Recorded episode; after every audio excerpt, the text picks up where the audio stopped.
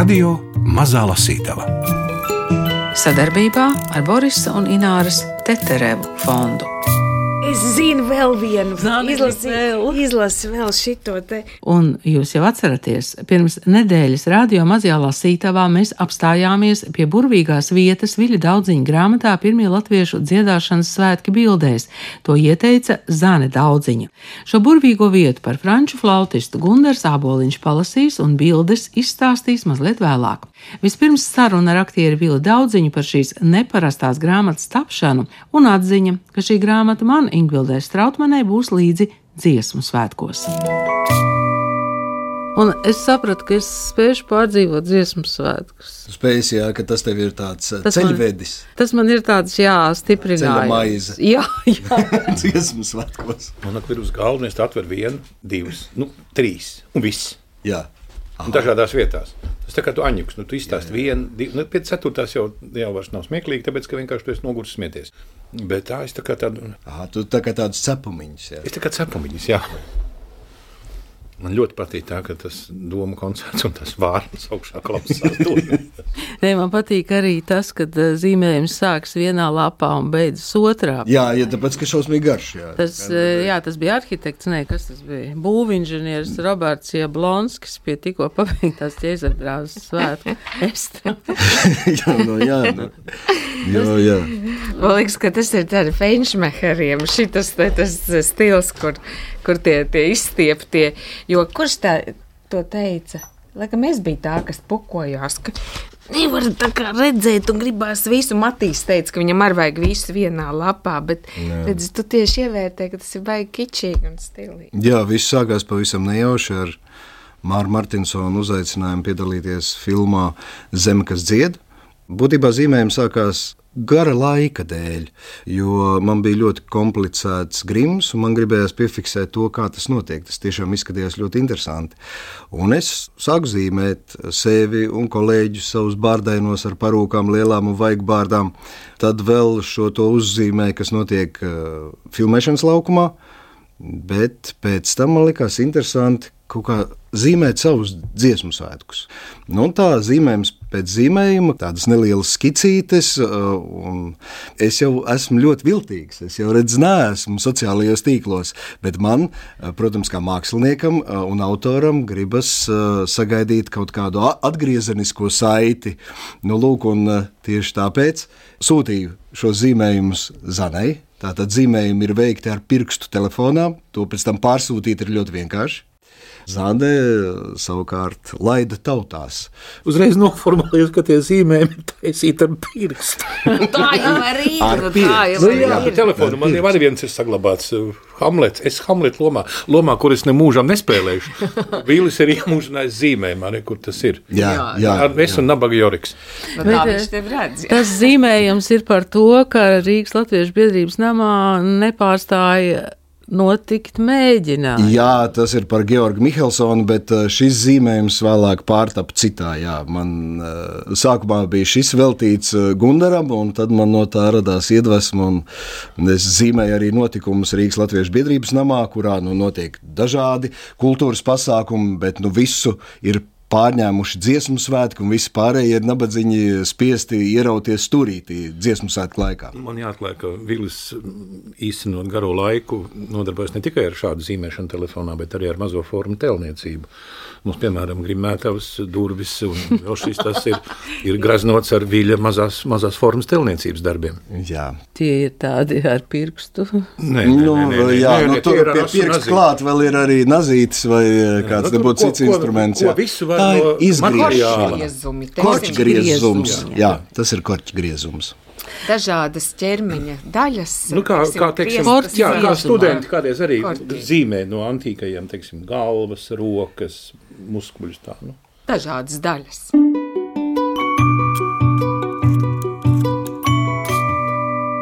Tā vārdi, īpašvārdi, Nu, visādi uzvārdi sarežģīti. Jā, starp citu, es par tiem vārdiem gribēju prasīt, kur tu Vili visus tos vārdus ņēmi.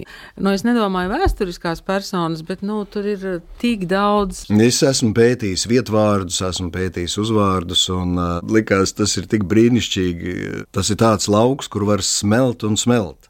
Un tad, kad tu esi sajūtis to garšu, tu vari radīt pats, vai kombinēt pats, vai izveidot pats tos uzvārdus. Jo uzvārdu izcelšanās jau ir ļoti interesanta.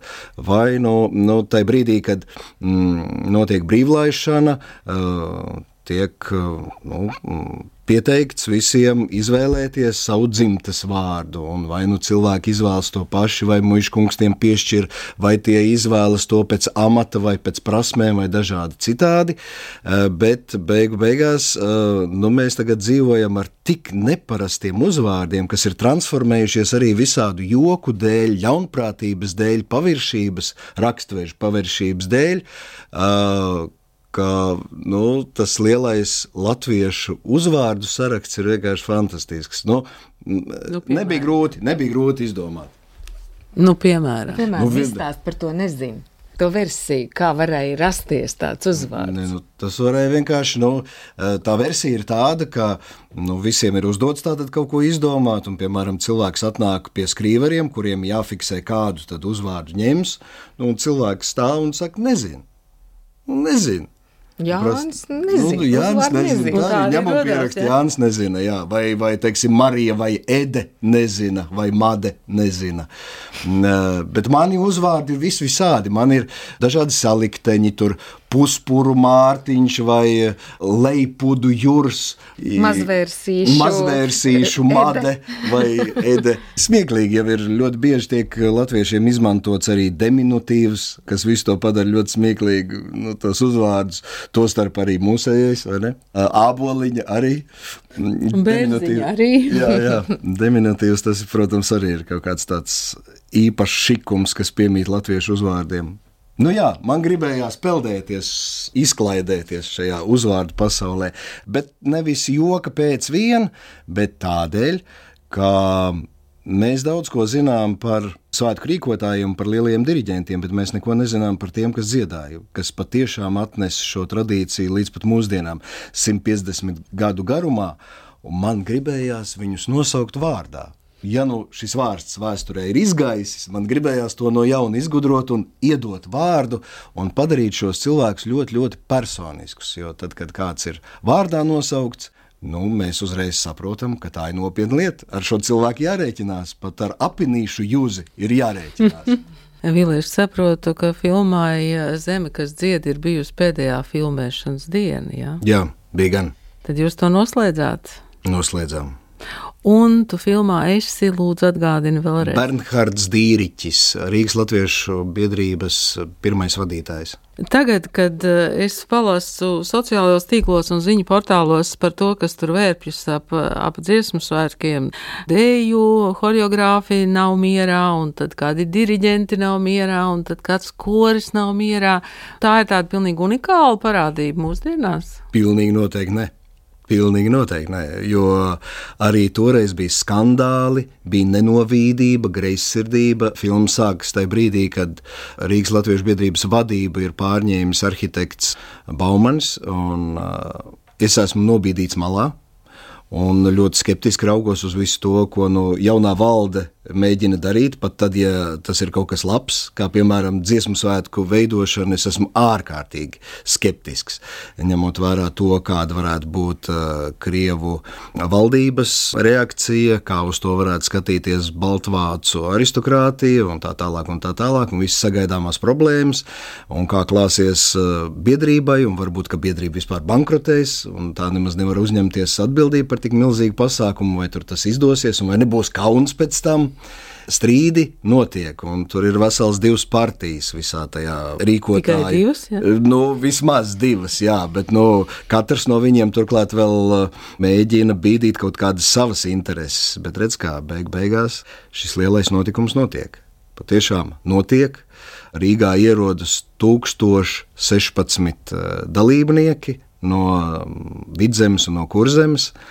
Un tas laikam ir kaut kas satriecošs ne tikai viņiem pašiem, bet arī rīzniekiem. Ieraudzīt tādus sapucējušos, latviešu valodā dziedošus cilvēkus ar labi organizētus cilvēkus, ar karogiem, ar lepnumu, kas iet cauri Rīgas ielām, un Rīgas ielās vairs nevar braukt ne ar ormaņiem, ne ar kādiem ratiem, jo iela ir pilna ar dziedātājiem. Tā viņi aiziet līdz ķēzardārzam un dzied un atgriežas mājās pēc četrām dienām, nu vai ilgāk, jo tā braukšana jau uz Rīgu bija ārkārtīgi gara. Un mēs varam iedomāties, viena no Lubānas, cik tur kādas četras dienas no, droši vien vajadzēja braukt. Nu, tas bija notikums, tas bija personisks notikums katram, un notikums valstī, kuras vēl nav, bet tautai, es domāju, tautai, kura saprot, ka tā var pretendēt uz valsti, var pretendēt uz pašnoteikšanos vai suverenitāti. Varbūt šie vārdi tajā laikā vēl neskan kā tāds jēdziens, pilnīgi skaidrs, bet uh, kā kultūras tauta citu tautu vidū. Latvieši pilnīgi noteikti tādi var būt. Tā sajūta laikam rodas tieši tajā brīdī, vislabāk rodas tajā brīdī. Es tagad domāju, tā filma ir uh, uzņemta, grāmata ir izdota, um, bet uh, vasarā būs dziesmu svētki. Mēs varētu uzaicināt Vilu Daudziņu savā Latvijas radio stiklu studijā, un tu varētu turpināt zīmēt šos dziesmu svētkus. Nu, kas to zina? Droši vien, ka būs kāds zīmējums. Jā. Zinu, ka notiks arī grāmatu tirzniecība, un droši vien būs līdzīgi kā man tā zanē. Gan zvaigznes izdevniecība noteikti pārdos savus grāmatas un tirgos, um, vai Vērmans dārzā tas būs, vai kur citur, tāpat arī Neputns izdevniecība, kas izdevusi manu grāmatiņu, un tad es jau esmu solījis, ka būs viena diena, kad es sapucēšos savā tautas starpā, un jādomā, Zana arī noteikti sapucēsies savējā, un mēs parakstīsim grāmatas, būs parakstāmās stundas. Varbūt mēs varētu tikt tās parakstāmās stundas organizēt tādā reizē, kad ir tā lielais koncerts un kaut kur tur tā strādē, lai mēs tiekam iekšā, Jā. jo nezinu, vai biļets mums laimēsies dabūt, tad varētu kaut kā tā vismaz pa žoga maliņu kaut kā tos lielos svētkus arī piedzīvot. Droši meklējiet Zani un Vili daudziņus dziesmu svētkos. Viņi ir gatavi uzvilkt savus tautas tērpus un piedzīvot svētkus bet apgādes neputns bija gatavs izdot šo neparasto grāmatu, kuru Vīlis Daudziņš zīmēja ar pirkstu telefonā. Viens ir ar pirkstu telefonā, un otrs ir, ka tas nonāk līdz um, drukātai grāmatai. Un arī Zanai, redz tas, ko Gundars uzreiz pamanīja par grāmatas vāku un tam līdzīgi. Kā tas notiek, kā tas grāmatas dizains top saziņā ar Vai? Protams, saziņā ar mākslinieci. Mana mākslinieca bija Anta Pence, kur ir veidojusi ļoti daudzas grāmatas. Neputnā sadarbojusies tieši ar šo izdevniecību, pati poligrāfija, tā ir Jālgaus tipogrāfija.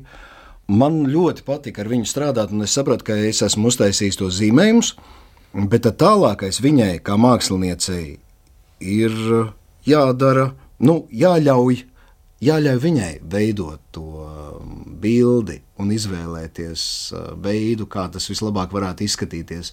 Mana sākuma iecerē bija, nu, ņemot vērā to, ka zīmējumi ir tapuši ar pirkstu telefonā, ka jābūt šim telefonam, tam telefona efektam. Protams, ka grāmatiņa ir bieza, un līdz ar to tā nu, nekādīgi neatgādina telefonu.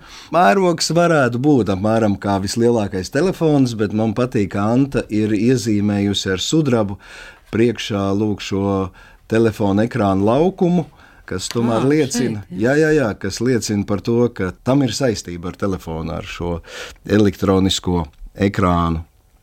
Jā, es nezinu, cik bieži tas tā ir noticis, ka kāds ir zīmējis nu, tā elektroniski uz planšetes vai uz um, telefona ekrāna, un tad tas ir pārtapis lūk šādā analogā veidā, kā grāmatiņa. Nezinu.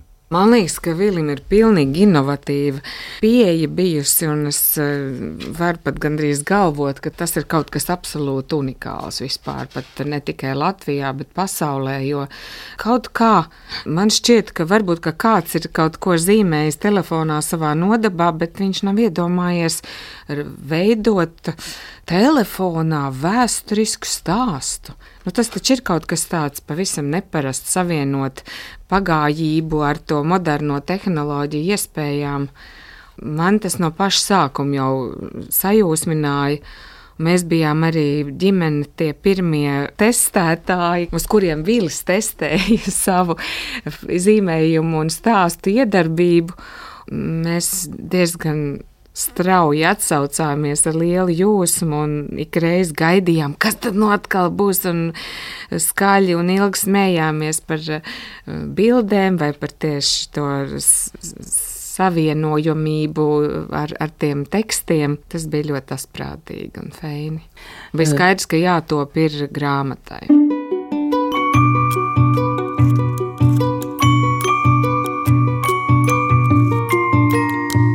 Radio Mazā Lasītava.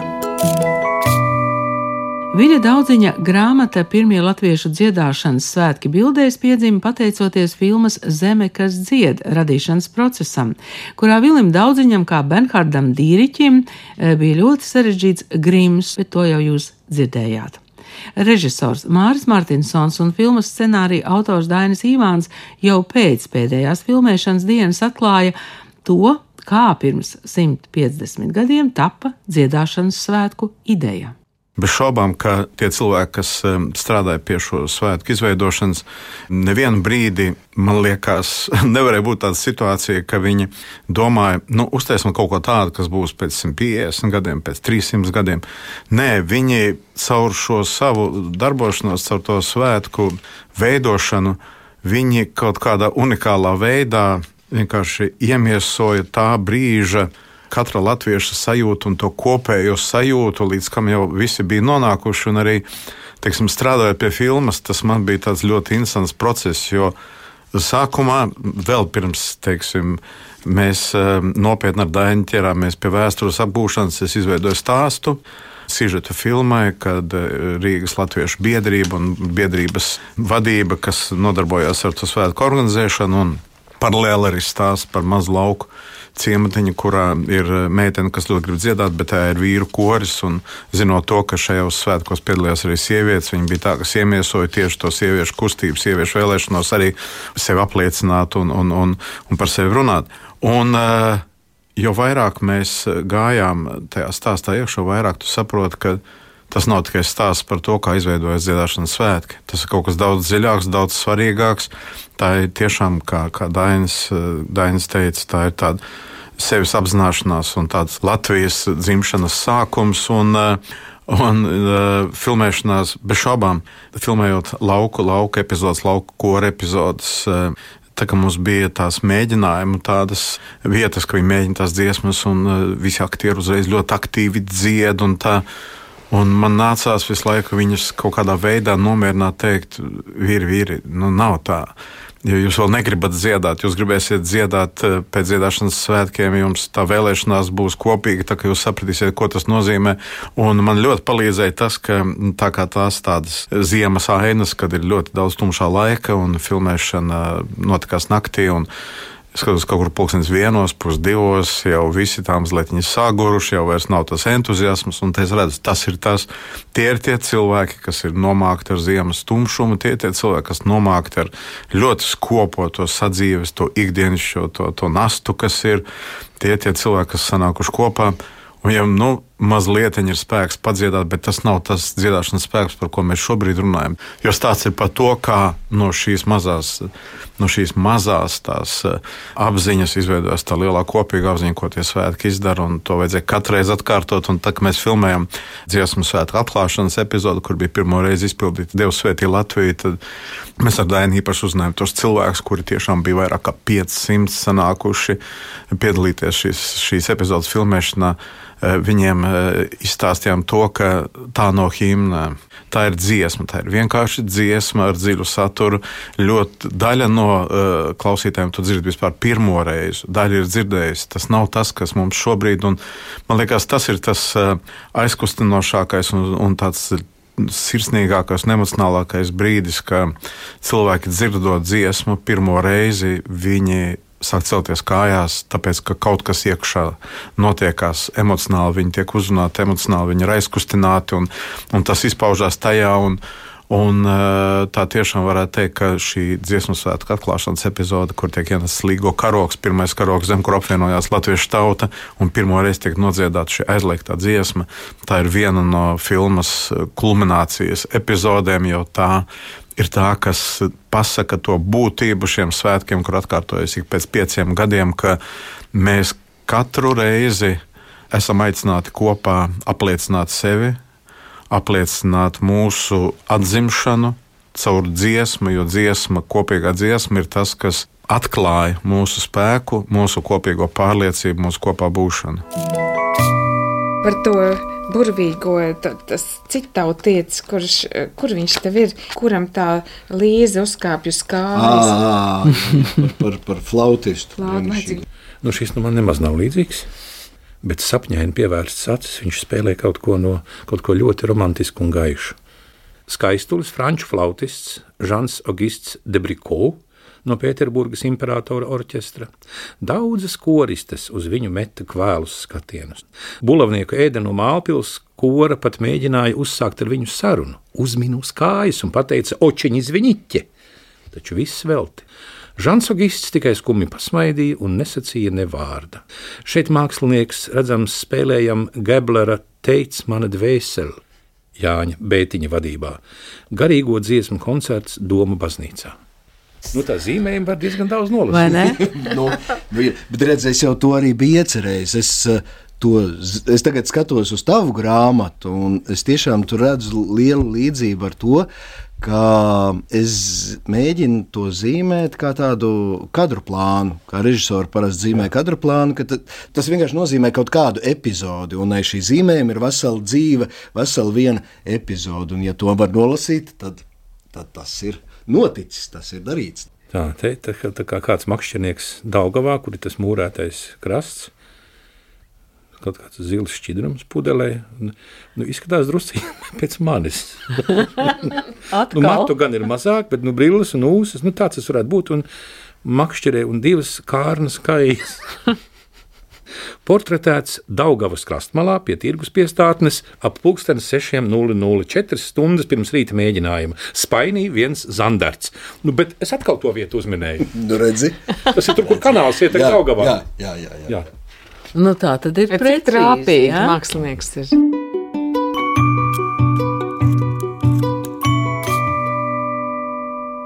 Viļa daudziņa pirmie latviešu dziedāšanas svētki bildēs, Zanes daudziņas mans kara gads un Gundara āboliņa tūkotā gruzīnu režisora Georgija Danelijas grāmata Pasažieris bez biļetes. Visas šīs trīs grāmatas bija uz mūsu studijas galda, pie kuras satikās arī trīs autori, trīs aktieri. Es domāju, ka šis ir unikāls gadījums. Trīs aktieri, trīs autori vienlaicīgi šeit bija studijā ar trim grāmatām. Es gribētu pieminēt vēl šeit mūsu jau viņa saulē aizgājušo kolēģi Maiju Apini, kur arī tulkoja mums daudzus tekstus mūsu izrādēm, un arī viņai iznāca viens tulkojums grāmatā Cilvēks, kur bija ceturtdiena. Tā kā tā autorība un grāmatniecība – un tulkojumi vai, vai pašs atcerēts teksts ir mums jau, kā, jau kaut kā nāk jau no līdzi. Un cik interesanti, ka tas mūs visus tādā pilnīgi neredzamā eh, tīklā kopā sien, jo nevelti kaut kā nejauši pieminēja māju apini. Es pēkšņi sapratu, ka mans pirmais nopietnais lielais aktieru darbs lielā lomā bija tieši Maijas apinas tulkotajā Zadornova, Mihaila Zadornova lugā pērk jūsu vīru, kuras nospēlēja Oksanu, kas faktiski ir tā kā seriāla Helēnai Felsenbacherai tā kā tāda jaunākā māsa, priekšgājēji, teiksim tā. Tas ir tik interesanti. Viņi bija tik ļoti asprātīgi šo lūgu iztulkojuši, ka mēs desmit gadus ar to braucām pa visu Latviju un nospēlējām vairāk kā 450 izrādes. Un Tā arī bija māja apeņa. Tā kā mūsu dzīves tā kā sēņu micēlīs zem augstas savienojas.